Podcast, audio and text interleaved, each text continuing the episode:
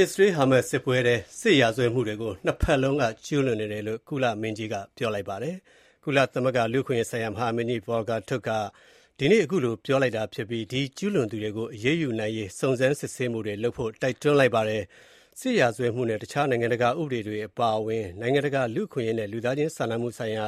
ဥပဒေတွေကို နှစ်ဘက်လုံးက ကျူးလွန်နေကြတယ်လို့ လူ့အခွင့်အရေးမဟာမင်းကြီးက ဂျနီဗာမြို့မှာရှိတဲ့ ကုလသမဂ္ဂ လူ့အခွင့်အရေးကောင်စီကို ပြောကြားလိုက်တာပါ။စစ်ရာဇဝတ်မှုမြောက်တဲ့ ကျူးလွန်မှုတွေကို အစ္စရေးစစ်တပ်က အတော်များများ ကျူးလွန်ခဲ့တယ်လို့ ဂါဇာနဲ့ အနောက်ဘက်ကမ်းမြောင်ဒေသတို့က လူ့အခွင့်အရေးအခြေအနေတွေအကြောင်း အစီရင်ခံစာတင်သွင်းစဉ် လူ့အခွင့်အရေးမဟာမင်းကြီးက ထည့်သွင်းပြောကြားခဲ့တာပါ။အစ္စရေးစစ်တပ်ဟာ နိုင်ငံတကာဥပဒေတွေကို ချိုးဖောက်ပြီး ပစ်မှတ်တွေကို ဆင်ခြင်တုံတရားမဲ့စွာ ပစ်ခတ်တိုက်ခိုက်နေတယ်လို့လည်း ဆိုပါတယ်။